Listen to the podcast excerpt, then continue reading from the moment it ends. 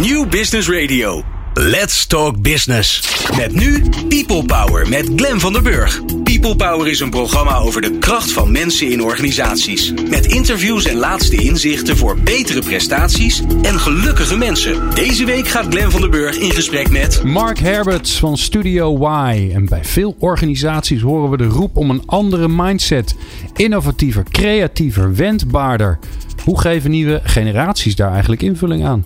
Mark Herberts van Studio Y helpt organisaties zoals Defensie, BDO en onderwijsinstellingen hierbij. En we hebben een eh, noviteit weer in deze aflevering van People Power. Want Madeleine Strik is onze kerstverse columnist. Met inzichten uit haar aanstaande boek over de nut en noodzaak van humor. Ja, dus dat wordt lachen zou je bijna zeggen. Maar ja, ze doet dat op een, uh, op een wetenschappelijke manier. Dus volgens mij wordt het vooral heel leerzaam. Wil je nou de nieuwste afleveringen van People Power via WhatsApp? Sla ons nummer dan op onder je contactpersonen 0645667548. Vergeet dat niet te doen, want anders kunnen we je echt geen berichtje sturen. En dat willen we wel. Als jij ons een berichtje stuurt met je naam en podcast aan, dan sturen wij je de nieuwste afleveringen direct zodra ze online staan. En het leuke is, je kunt ons ook vragen stellen en reacties geven. Wat je allemaal leuk en fantastisch vond. Bijvoorbeeld hoe leuk je Mark eigenlijk vond vandaag. Nou, dat uh, horen wij dan graag. Ik vind het in ieder geval fijn dat je luistert naar People Power. People Power met Glen van den Burg. Mark Herberts in de studio van Studio Y. In de studio van Studio Y. Dat klinkt al een beetje raar, Mark. Ja, ik dacht al dat dat een tongbreker ja, zou worden. De, Ja. de studio van Studio Y.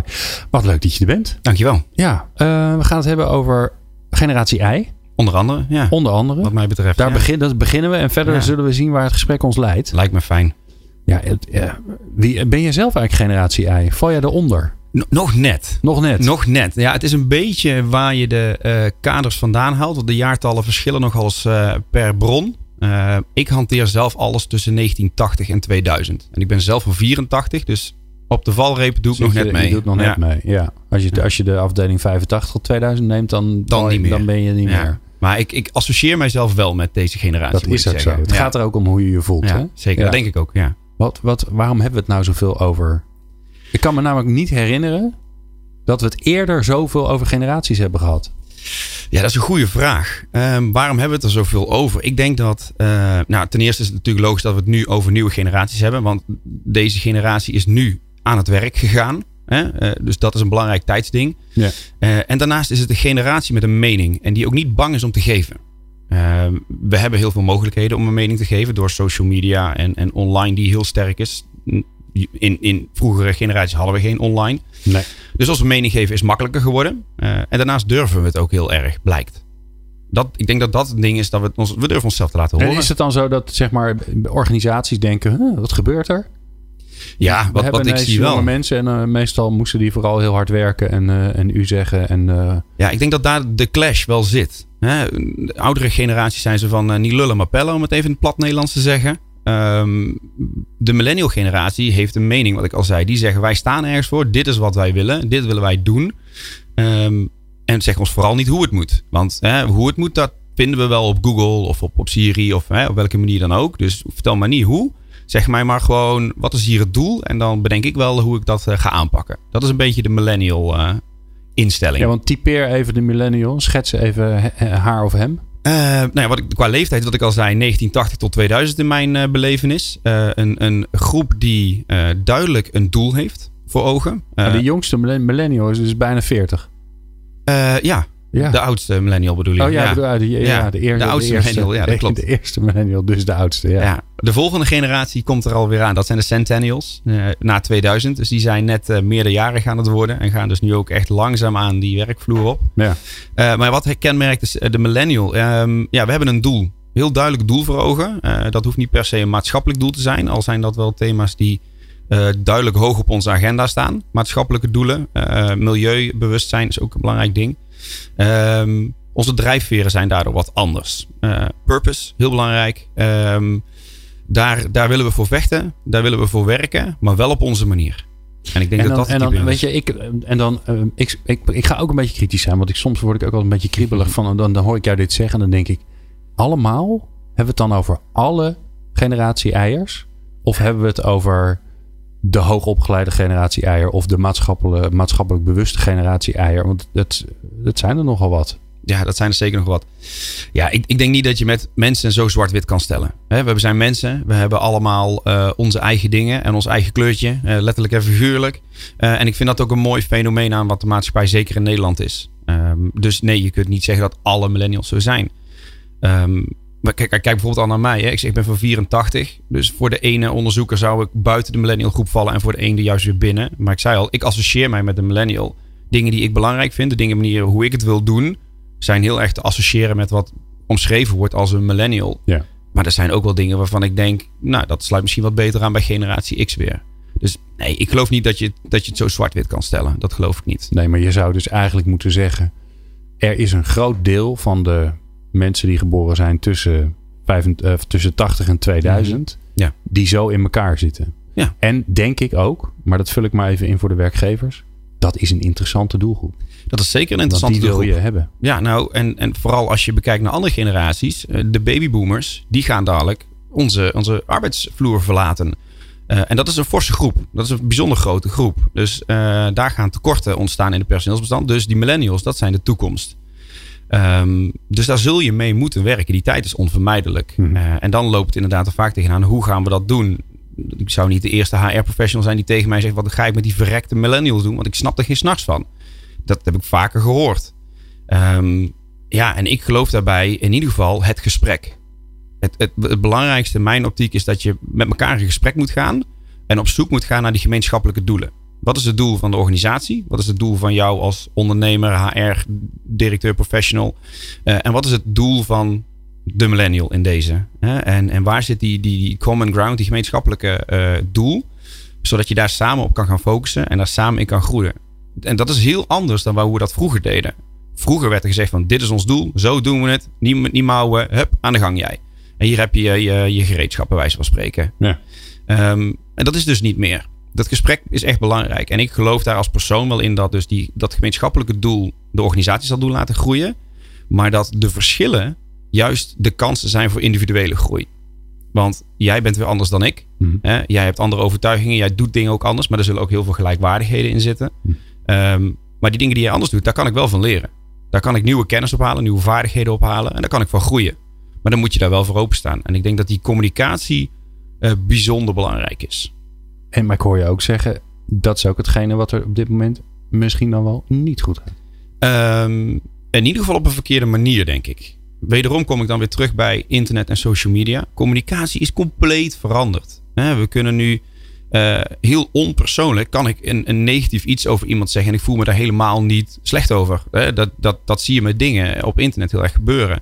Dus de manier van communiceren is gewoon heel erg veranderd je ziet dat mensen heel makkelijk even een mailtje sturen naar die collega die één kantoortje verder zit. Ik denk van, sta op, loop even. Hè? Heb je ook meteen even bewogen. Ook niet uh, onhandig. Ook heel gezond. Ja. ja, is ook gezond. Ja. Uh, en maar ga het gesprek aan. Wij zijn als mens sociale dieren. Wij hebben dat, dat menselijke contact echt nodig. En ik denk dat we dat steeds meer gaan onderschatten door het gemak van alle elektronica om ons heen.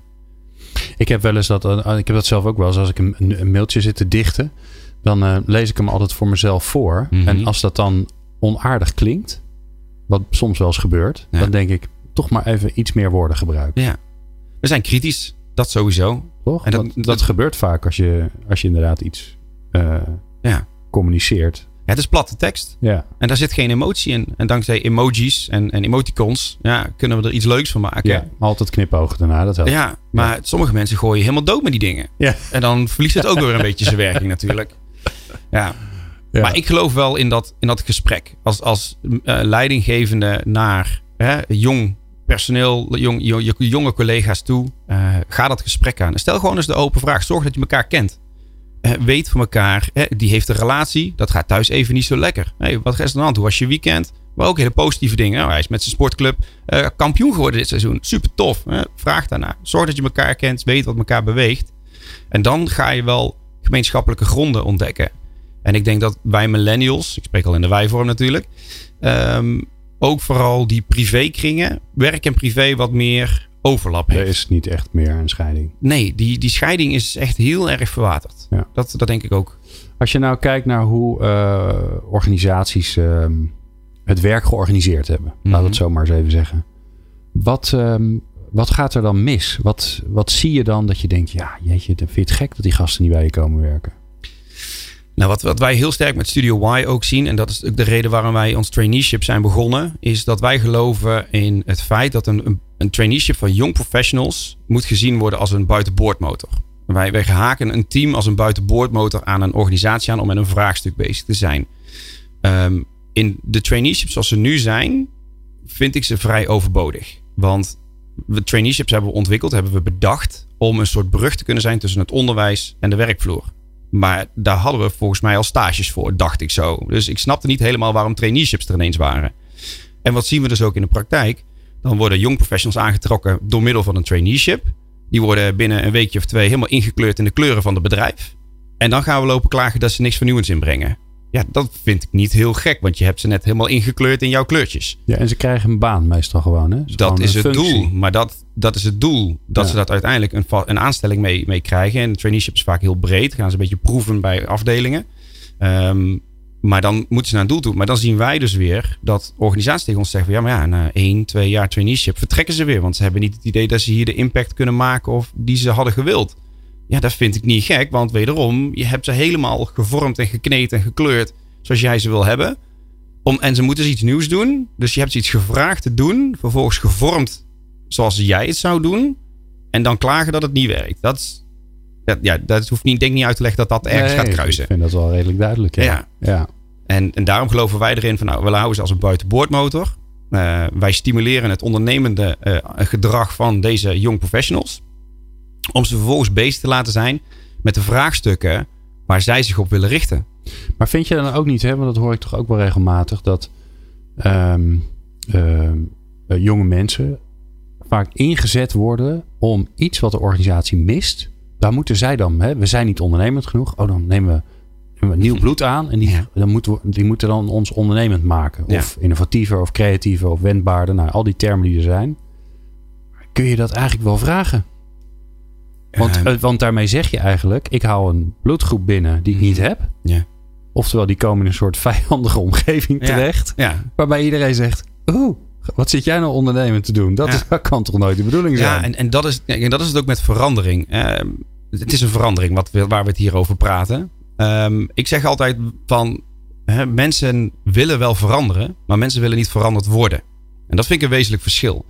Dus in deze geldt dat ook. Dus we vragen zo'n jong iemand om iets nieuws in te brengen.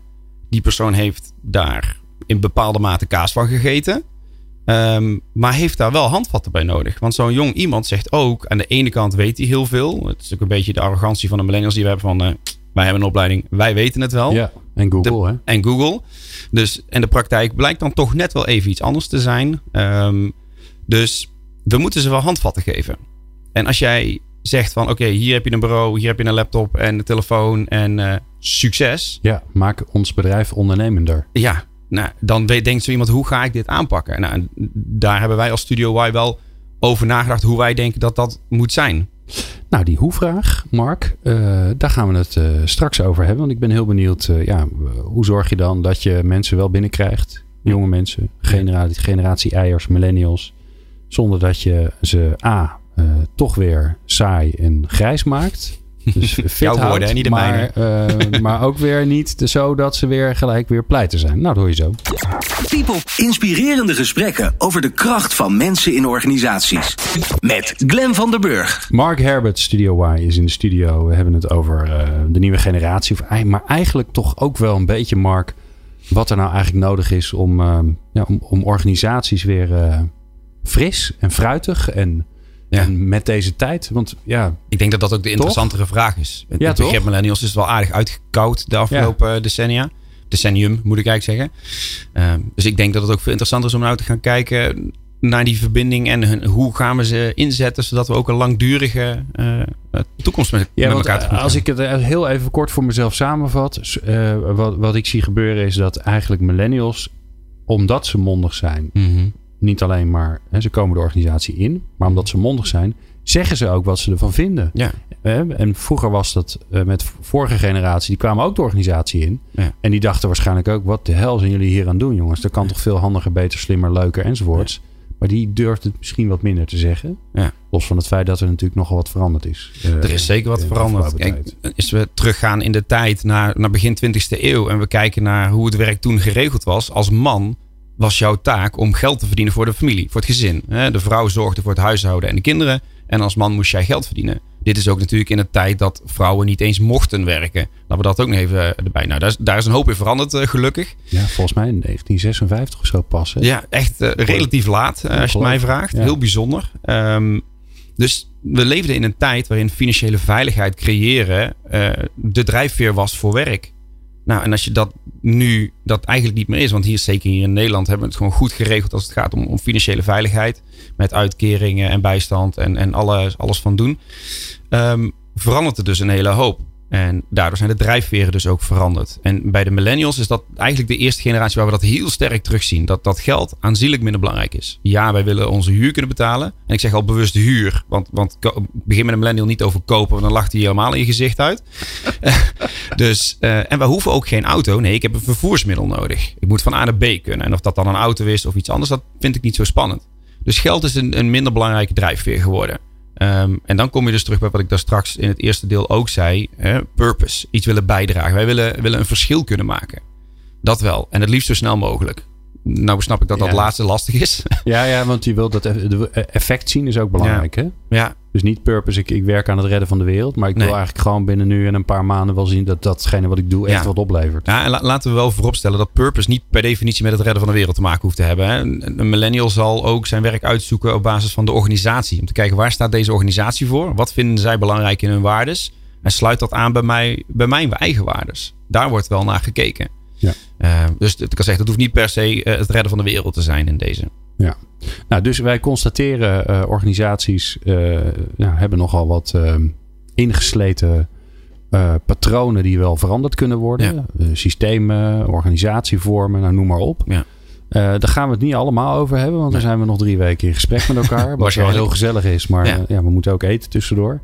Um, nou, laten we even een, er, komt een bedrijf bij jullie. Mm -hmm. Die klopt bij jullie aan, bij Studio mm -hmm. Y. Die zegt, ja joh, weet je, we doen ons best, maar die, die millennials, die, ze willen niet bij ons werken. Nee.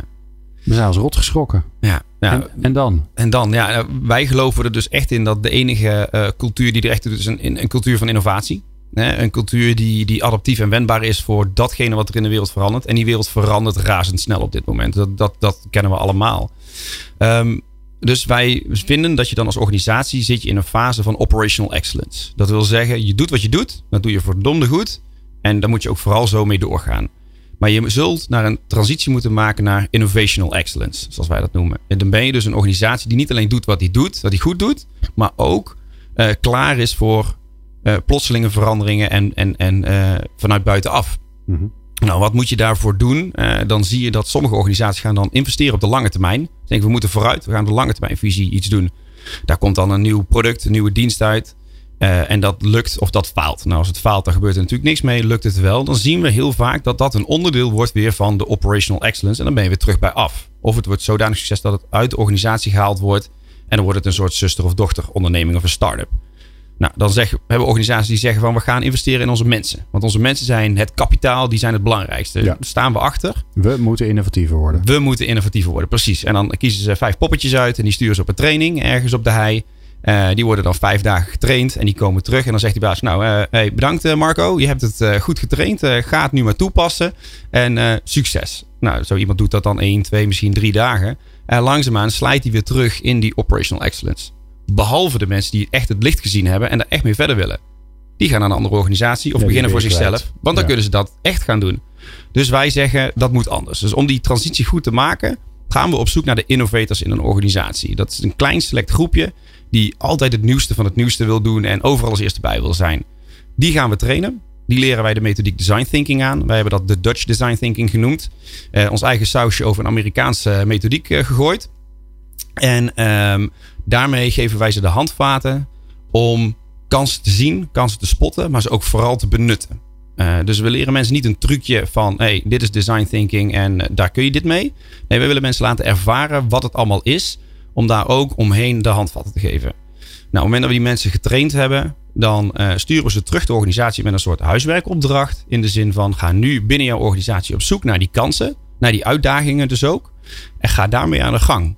Ga die aanpakken, ga er iets mee doen. Maar betrek daar ook vooral mensen uit de organisatie mee. Want dat is wat design thinking doet. Het zet heel sterk die, die end user centraal. Wie zijn nou de mensen die gemoeid zijn met dit probleem? Wie heeft er invloed en wie heeft de baat bij de oplossing? Dat zijn twee belangrijke groepen. Dat zal dus de mensen aantrekken die denken van hé, maar dat is tof wat jullie aan het doen zijn. Daar wil ik ook wel iets mee. Nou, dat zijn de rest van de innovators. Dat zijn de eerste early adopters, die we dan noemen. En die gaan we ook trainen. En die sturen we ook weer terug. En dan krijg je een soort trap langs de human capital lijn, maar ook langs de lange termijn lijn omhoog. En dan gaan we richting dat innovational excellence. En wat, wat wij denken dat heel veel organisaties de fout in gaan, is dat ze zich meteen op die massa richten. Als we het hebben over de groep mensen, dan richt iedereen zich op de massa, op de grote groep. Maar die massa, die gaat niet in beweging komen als jij niet ook die innovators en die early adapters in beweging hebt gebracht. Mhm. Want die massa die wil eerst even afwachten wat dat groepje, de rare groepje hipsters daar aan het doen is. Bij wijze van spreken, voordat ze meegaan. En hoe zorg je er dan voor? Hè? Want ik kan me zo voorstellen, je, doet, eh, je begint bij die innovators en die, eh, die zijn helemaal blij. Die, eh, die hebben toffe, toffe dagen bij jullie gehad en die gaan terug.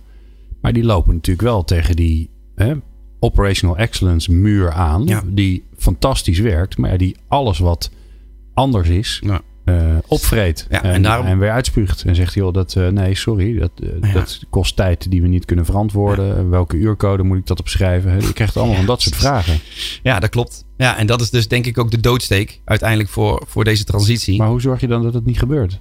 Doordat wij als studio op voorhand een uitvoerige startperiode ervoor hebben zitten. Doordat we eerst willen zeggen van, oké, we gaan, kunnen dit gaan doen. Eh, weet ook waarom het doet. Het begint met die why, Studio Why. Dus het komt niet helemaal uit de lucht vallen. Um, dus daar begint het mee. Maar zorg er ook voor dat daar ruimte voor is. Eh, dat er dus ook tijd, geld uh, en, en fysieke ruimte, werkplekken voor zijn voor deze mensen om ook hiermee aan de gang te gaan. En dan spreken we van tevoren over hoeveel tijd is daarvoor. Krijgen ze daar een fulltime job voor? Krijgen ze daar één dag in de week voor? En dat is vaak al veel hè, voor organisaties. Eén dag in de mm. week iemand op iets nieuws gaan zetten, dat is al vaak veel. Eén keer in de twee weken, et cetera. Het gaat erom dat die kaders heel duidelijk zijn van tevoren. Ik vind het als persoon ook heel belangrijk. En dat heb ik met iedereen. Dat heb ik met vrienden, met familie, met iedereen. Het maakt me niet zo heel veel uit wat we afspreken. Maar kom je afspraak alsjeblieft na. Dus nee is ook een antwoord. Um, dus op het moment dat je dat van tevoren goed uitkadert. En dat daar die ruimte ervoor ontstaat. Dan uh, kan dat ook. En dat zien we dus met onze trainingen heel sterk. Dat we daar dus de ruimte voor moeten creëren. Op het moment dat daar geen tijd en ruimte voor is. Dan wordt het traineeship interessanter. Want dan heb je die buitenboordmotor die is heel erg interessant voor organisaties die niet de mensen, de middelen hebben om een bepaald vraagstuk wat ze wel belangrijk vinden, uh, mee aan de gang te gaan. En dan pakken we daar gewoon externe mensen voor. En wij geloven er wel in dat nieuwe generaties, jonge mensen, ook nieuwe realiteiten zullen creëren. Want wij kijken gewoon anders. Wij zien dingen anders. Leuk, leuk werk. Dankjewel. Ja, ik, Vind, ik vermaak me prima. Ja, nee, dat, daar ben ik niet bang voor. Ja. Uh, we praten zo uh, verder met uh, Mark Herberts van Studio Y. En we gaan zo eerst naar de, de column, de allereerste column van Madeleine Strik over humor op het werk. Dan hoor je zo. People Power met Glen van den Burg. Ik ben Malja Beks, commercieel manager bij Dreams. Ik ben Mark Jansen, senior medewerker Learning and Development bij Paresto. Ik ben Petra Lange, HR-manager bij Avanade. Ik ben Lars Blauw, adviseur duurzame inzetbaarheid bij Centraal Beheer Open. Ik ben Aniek van ELO en ik luister natuurlijk altijd naar People Power. Want People Power is er voor jou en niet andersom. People Power op New Business Radio. Ja, en we hebben een, uh, een noviteit. Ik heb het al even aangekondigd. Ik ben zelf ook zo ongelooflijk benieuwd, want we hebben een nieuwe columnist te nou, dat zeggen wij tegenwoordig niet meer. Een nieuwe columnist. Madeleine Strik. Madeleine is sociaal psycholoog aan de Universiteit Utrecht. Ze uh, doseert, komt er een pop-up tussendoor, is ook altijd leuk. Ze doseert over reclame en consumentengedrag en doet onderzoek naar humor. Ze schreef Tussen je oren een kinderboek over psychologie. En ze werkt op dit moment aan een boek over de psychologie van humor. En dat is precies waar ze haar column over gaat doen bij ons. Namelijk over humor en werk. Madeleine, wat ongelooflijk leuk dat je er bent. Ja, dankjewel. Ja, ik ben, Leuk om hier te zijn. Ik ben heel erg benieuwd, dus uh, kom maar op. Ja, daar komt hij. Recent onderzoek onder 1640 Nederlandse werknemers wees uit dat 26% van de deelnemers zouden overwegen een andere baan te zoeken als er te weinig zou worden gelachen op het werk. Lachen met collega's stond derde op het lijstje met goede voornemens voor het komende jaar. Alleen gezonder eten en vaker een frisse neus halen stonden hoger op dat lijstje van goede voornemens. Maar liefst 87% van de deelnemers vond het belangrijk om tijdens het werk te kunnen lachen. Goede koffie vond slechts, tussen aanhalingstekens, 77% van de ondervraagden belangrijk. Humor is dus belangrijker dan koffie. En dat is nogal wat. Het is wel verrassend eigenlijk dat we lachen op het werk zo belangrijk vinden. Lachen lijkt toch meer iets voor thuis. Je doet het met vrienden in de kroeg, met je kinderen in de speeltuin of met je partner na een misstap bij de damfles. Op het werk lachen, dat lijkt me ook, zou je denken. Maar waar komt die diepgewortelde wens om te lachen met je collega's dan vandaan? Nou, om het antwoord op die vraag te vinden, moeten we heel ver terug in de tijd. In de evolutionaire geschiedenis. We gaan 2 miljoen jaar terug. We zitten dan in de prehistorie, tussen de mensachtigen die nog wel een beetje lijken op apen, maar intussen wel rechtop lopen. En we leefden in die tijd in kleine families in de bossen van Afrika. Om een familie bij elkaar te houden, moet je af en toe wat leuks doen samen. Dat is nu nog steeds zo en dat was ook al zo in de prehistorie. Maar de Efteling bestond toen nog niet en ook een beetje New York was nog niet mogelijk. De mensachtigen hadden daarom een ander tijdsverdrijf waarmee ze hun familieband versterkten. En dat was vlooien. Apen vlooien elkaar, zoals u weet, maar ook de mensachtigen besteden veel tijd aan gekriebel, geknuffel, schouderklopjes en geaai over de bol. Dat zorgde voor een gevoel van ontspanning, wat vervolgens het vertrouwen en de band tussen de vlooiende partners versterkt. Vlooien heeft echter wel een nadeel. Je kunt het maar met één aap of één mensaap tegelijk doen. En het is dus niet erg efficiënt. Onze voorouders konden daarom nooit in groepen leven die groter waren dan 50 leden. En zelfs met die groepsgrootte waren ze al zo'n 20% van de dag bezig met elkaar te vlooien. Zo'n 2 miljoen jaar geleden werd dit echt een probleem. Door wereldwijde droogte veranderden de weelderige bossen in droge savannen, waardoor onze voorouders veel grotere afstanden moesten afleggen om eten te vinden. Ze kwamen bloot te staan aan veel meer bedreigingen, waaronder gevaarlijke roofdieren en vijandige stammen. Om te overleven was een grotere groep, uh, was een kleine groep familieleden niet meer genoeg. Er ontstond een noodzaak om complexere samenwerkingen in te gaan in grotere groepen, van bijvoorbeeld 100 of al 150 leden. Hier in deze periode heeft lachen een hele belangrijke functie gekregen. Het werd het primaire sociale bindmiddel in plaats van vlooien. Lachen werkt positief op het gemoed. Het creëert groepsfeer en bevordert het wederzijds vertrouwen.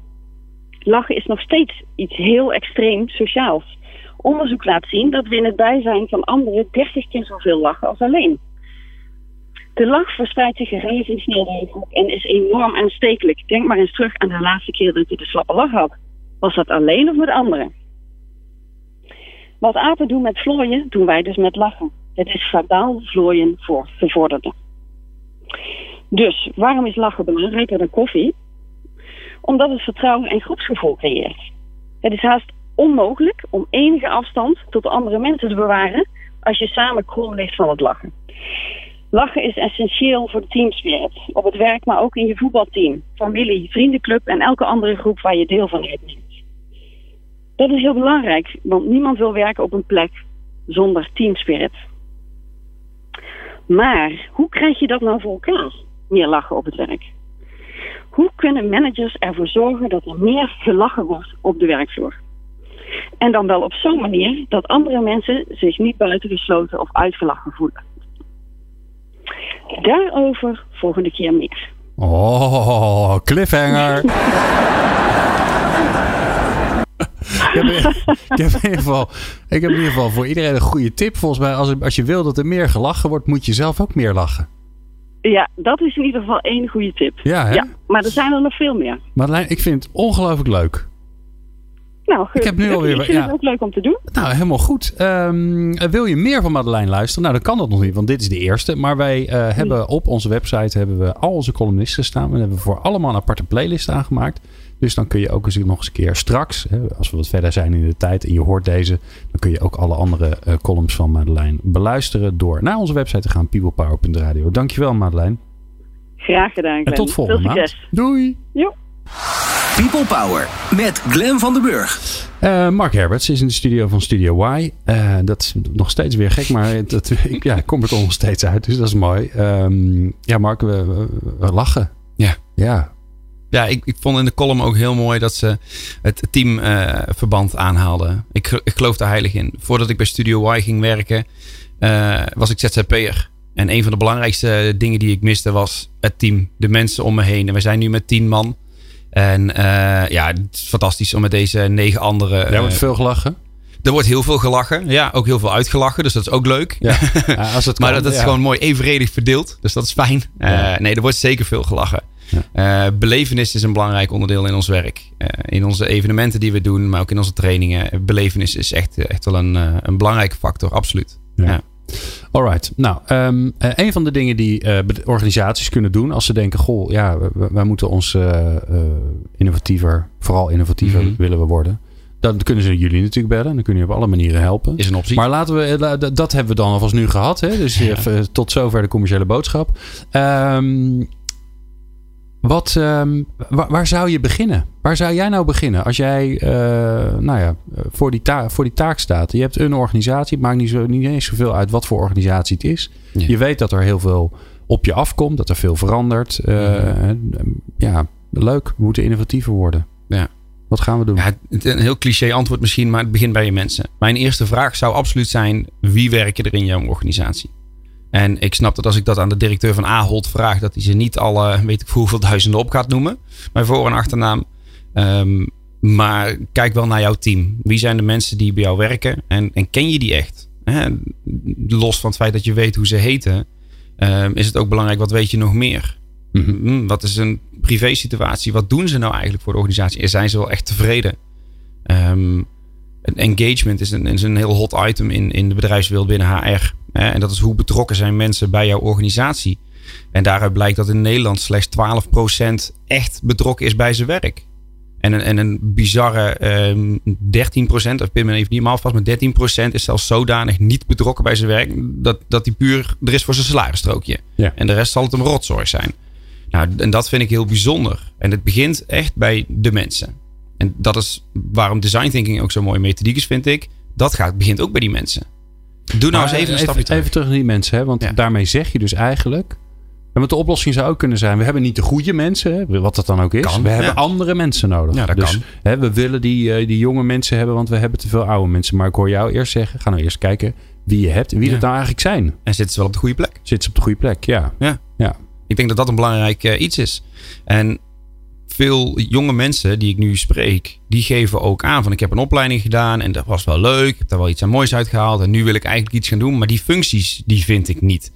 En dat komt omdat wij kijken naar, niet zozeer naar de taken, maar naar de dingen die daar een beetje omheen hangen. Wat zijn dan belangrijke dingen voor ons? En welke functies vinden we die dus terug? En daarom zeg ik tegen die mensen ook altijd, ga op zoek naar organisaties en niet naar functies. Um, dus, ja, want is, uh, hebben we daar nog echt, uh, zeg maar, we zeg ik even, hebben organisaties daar echt nog een probleem? Dat ze gewoon eigenlijk hun, de marketing van hun werk verkeerd doen. Door het maar, nou ja, door maar gewoon oldschool, maar weer vacatures de wereld in te sturen. En zeggen, we zoeken een, een functional beheerder C. Ja, nou ja, kijk, ik, ik heb een achtergrond in de human resources, een achtergrond in de recruitment gehad. En uh, ik durf te wedden dat als ik aan iedereen vraag of hij een 9 tot 5 mentaliteit heeft, dat iedereen zegt nee, die heb ik niet. Maar ze zit, iedereen schrijft ja, het op. Ja, Waarom schrijven we dit op? Wat, en echt, wat is er mis mee? Ja, dat ja, kun je ook al vragen. Ja, precies. Toch? Die vraag is ook ja. uh, terecht. Misschien is het wel heel handig om dat te hebben. Ja, het symboliseert veel meer: ben jij flexibel? Dat is eigenlijk wat we willen weten. Ja. Uh, maar mijn punt is dat we te veel clichés vragen die eigenlijk heel overbodig zijn. We stellen done vind ik ook mooi. Ja. Een getting things done. Nee, ik, ik krijg liever geen dingen voor elkaar. Dat, nee. uh, nee. Ik ben een teamplayer die goed individueel kan werken. Dat is ook altijd ja. leuk. Hè? Die, die zie ik ook veel voorbij komen. Ja, een hele accurate innovator. Ja, ja. dus het is, het, er zijn veel andere dingen belangrijk. We moeten wel de juiste vragen stellen um, aan elkaar. Ja. En um, ik, ik ben door de jaren heen echt gaan kijken naar wat beweegt mensen nou om hun werk te doen. Wat vinden ze nou eigenlijk echt belangrijk? Wat hopen ze eruit te halen? En wat drijft hen dus om daadwerkelijk s ochtends om zeven uur in de auto te stappen en richting hun werk te gaan? Aan de andere kant van het land bijvoorbeeld. Ah, ja. um, die, die zijn er. Uh, en dat is uh, heel mooi, want dat betekent dat mensen dus er iets voor over hebben om hun werk te doen. En um, ik denk dat je dat moet weten als, als leidinggevende, als HR-manager uh, van het personeel. Van waarom komen zij naar hun werk? En heel veel onvrede zit hem vaak in hele futiele dingen. Hè? Het wc-papier is altijd op. Oh, Wat een ja. stomme organisatie is dit. Wc-papier is altijd op. Zelfs Of, eh, dat krijgen we niet voor elkaar. Precies. Nou, Ja. krijg en daar zit dus de onvrede. En dat is puur hele simpel oplosbare dingen die we misschien beter zouden weten als hoe of wat. Tuurlijk zit er ook misschien wel onvrede in inhoud van het werk. Of de dingen die ze moeten doen. eh, die ze niet zo leuk vinden. Ehm, En dat vind ik wel grappig, hè? want eh, leer je mensen kennen. Vraag aan ze: Goh, eh, je werkt hier. Mhm. wat, eh, wat zou je nou anders willen doen? nou, als je dat gaat- Ingewikkeld is het niet, hè? Nee, maar ik denk als jij de vraag gaat stellen aan iemand: wat zou jij anders willen doen? Dan weet ik niet wat voor antwoord je gaat krijgen. Want Of mensen zeggen: ja, dat weet ik niet, jij bent de baas. Eh, dat zijn de gemakzuchtige antwoorden. Ehm, of je loopt het risico dat je zo'n uitgebreid antwoord krijgt dat je zelf ook begint te twijfelen. Dat is misschien ook niet zo fijn. Ehm, maar het, gaat het gaat wel om die dialoog. Gewoon door de vraag te stellen: wat beweegt mensen nou? Wat vinden ze leuk? En wederom die privé situatie. Er zitten soms hele interessante dingen in. Want als iemand in zijn vrije tijd voetbalcoach is van een F'jes-team. dan betekent het dus dat die persoon het leuk vindt om andere mensen iets te leren. Hè? Ja. Die persoon heeft dus blijkbaar vaardigheden om andere mensen iets aan te kunnen brengen wat ze ervoor niet konden. Nou, doet hij dat in zijn werk? Vindt hij dat in zijn werk? En dat wil niet zeggen dat die persoon meteen, meteen een trainer moet worden. Maar misschien moet hij wel iets met zijn collega's meer gaan doen. Om die collega's wat meer op sleeptouw te nemen rondom zijn expertise. Dat zou een optie kunnen zijn. Dat betekent dus ook dat die persoon voor een groep durft te praten. Over zijn vaardigheden. Maar weet je, Mark, dit weten we toch? Dat zou je denken. Dat ja. zou je toch denken dat we Ja. dit weten? Waarom gebeurt het nou toch gewoon niet? Het is zo makkelijk, Ja, toch? ja, ja, ja. ja. Ja, bedoel, wij, wij, wij kennen elkaar redelijk kort. Nou, Ja. ik weet wel ongeveer wat jij leuk vindt nu. Ja, ja dat, dat heeft denk ik ook mee te maken dat er toch wel genoeg mensen zijn die dit moeilijk vinden om dit onder woorden te brengen.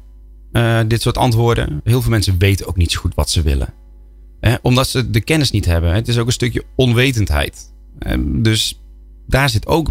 Het, is twee kanten op. Hè. Het is niet alleen die werkgever die het gesprek aan moet gaan. Het is ook die, die werknemer die, die het gesprek aan moet gaan. Ook kijk wees ook kritisch naar jezelf. Van wat vind je nou eigenlijk echt belangrijk? Waar sta jij voor? En natuurlijk, als jij het prima vindt om elke dag van 9 tot 5 gewoon een takenpakket te hebben die je uit mag voeren. Als jij daar blij van wordt, prima. Maar doe wel waar je blij van wordt. Sommige mensen zijn er heel erg bij gebaat bij dat soort structuren. Ik, ik moet er niet aan denken. En dat soort structuren, dat is niet aan mij besteed. Maar zo heeft iedereen zijn eigen methodes. Ja. Dus ook als ik jonge mensen vraag van ja, maar wat wil je dan gaan doen? Dan is de vraag ook vaak van ja, weet ik eigenlijk niet zo goed wat ik eh, wil gaan doen. Ik vind het, vind het lastig in te schatten. Ik wil iets met mensen. Ik wil iets met verandering doen. Maar wordt er ook tijdens studies bijvoorbeeld te weinig aandacht aan besteed? Te weinig aandacht aan. Wat vind je eigenlijk leuk? Waar, waar, waar ben je goed in? Ja, veel studies denk ik wel. Het onderwijssysteem is gelukkig wordt, verandert het wel, maar wel veelal ingericht op het overbrengen van kennis. Dat Ja. is wat dat een studie is. Ehm, en je kunt je oprecht afvragen of dat in deze tijd nog heel erg noodzakelijk is met het internet. Ja. Eh, eh, vanuitgaande dat je dus ook de skills hebt om het, de, de bullshit van, van de niet bullshit te kunnen filteren. Maar ik denk wel dat het puur overdragen van kennis, dat geloof ik niet in. En dat willen wij dus ook niet doen. En daarom bestaan onze trainingen vooral uit het toepassen van de praktische vaardigheden rondom design thinking. Want kennis overdragen, dan kan ik je net zo goed een boekje geven. Lees dat eventjes en dan gaan we dadelijk aan de gang. Dus daar, daar geloof ik niet in. Stel je nou voor, hè? Ik, eh, ik heb eh, goed in kaart gebracht en met mijn mensen gesproken. En eh, nou, ben best wel een beetje verder gekomen. Maar ik mis toch ook wel een beetje die, dat rebelse, dat, dat, eh, dat gekke. Dat mis ik een beetje. Die heb ik gewoon niet. Het zijn allemaal Ja. goede mensen. Ik heb ze allemaal nodig. Ik wil ze heel graag houden. Ik heb ze iets innovatiever gekregen door, door aan ze te vragen wat ze willen.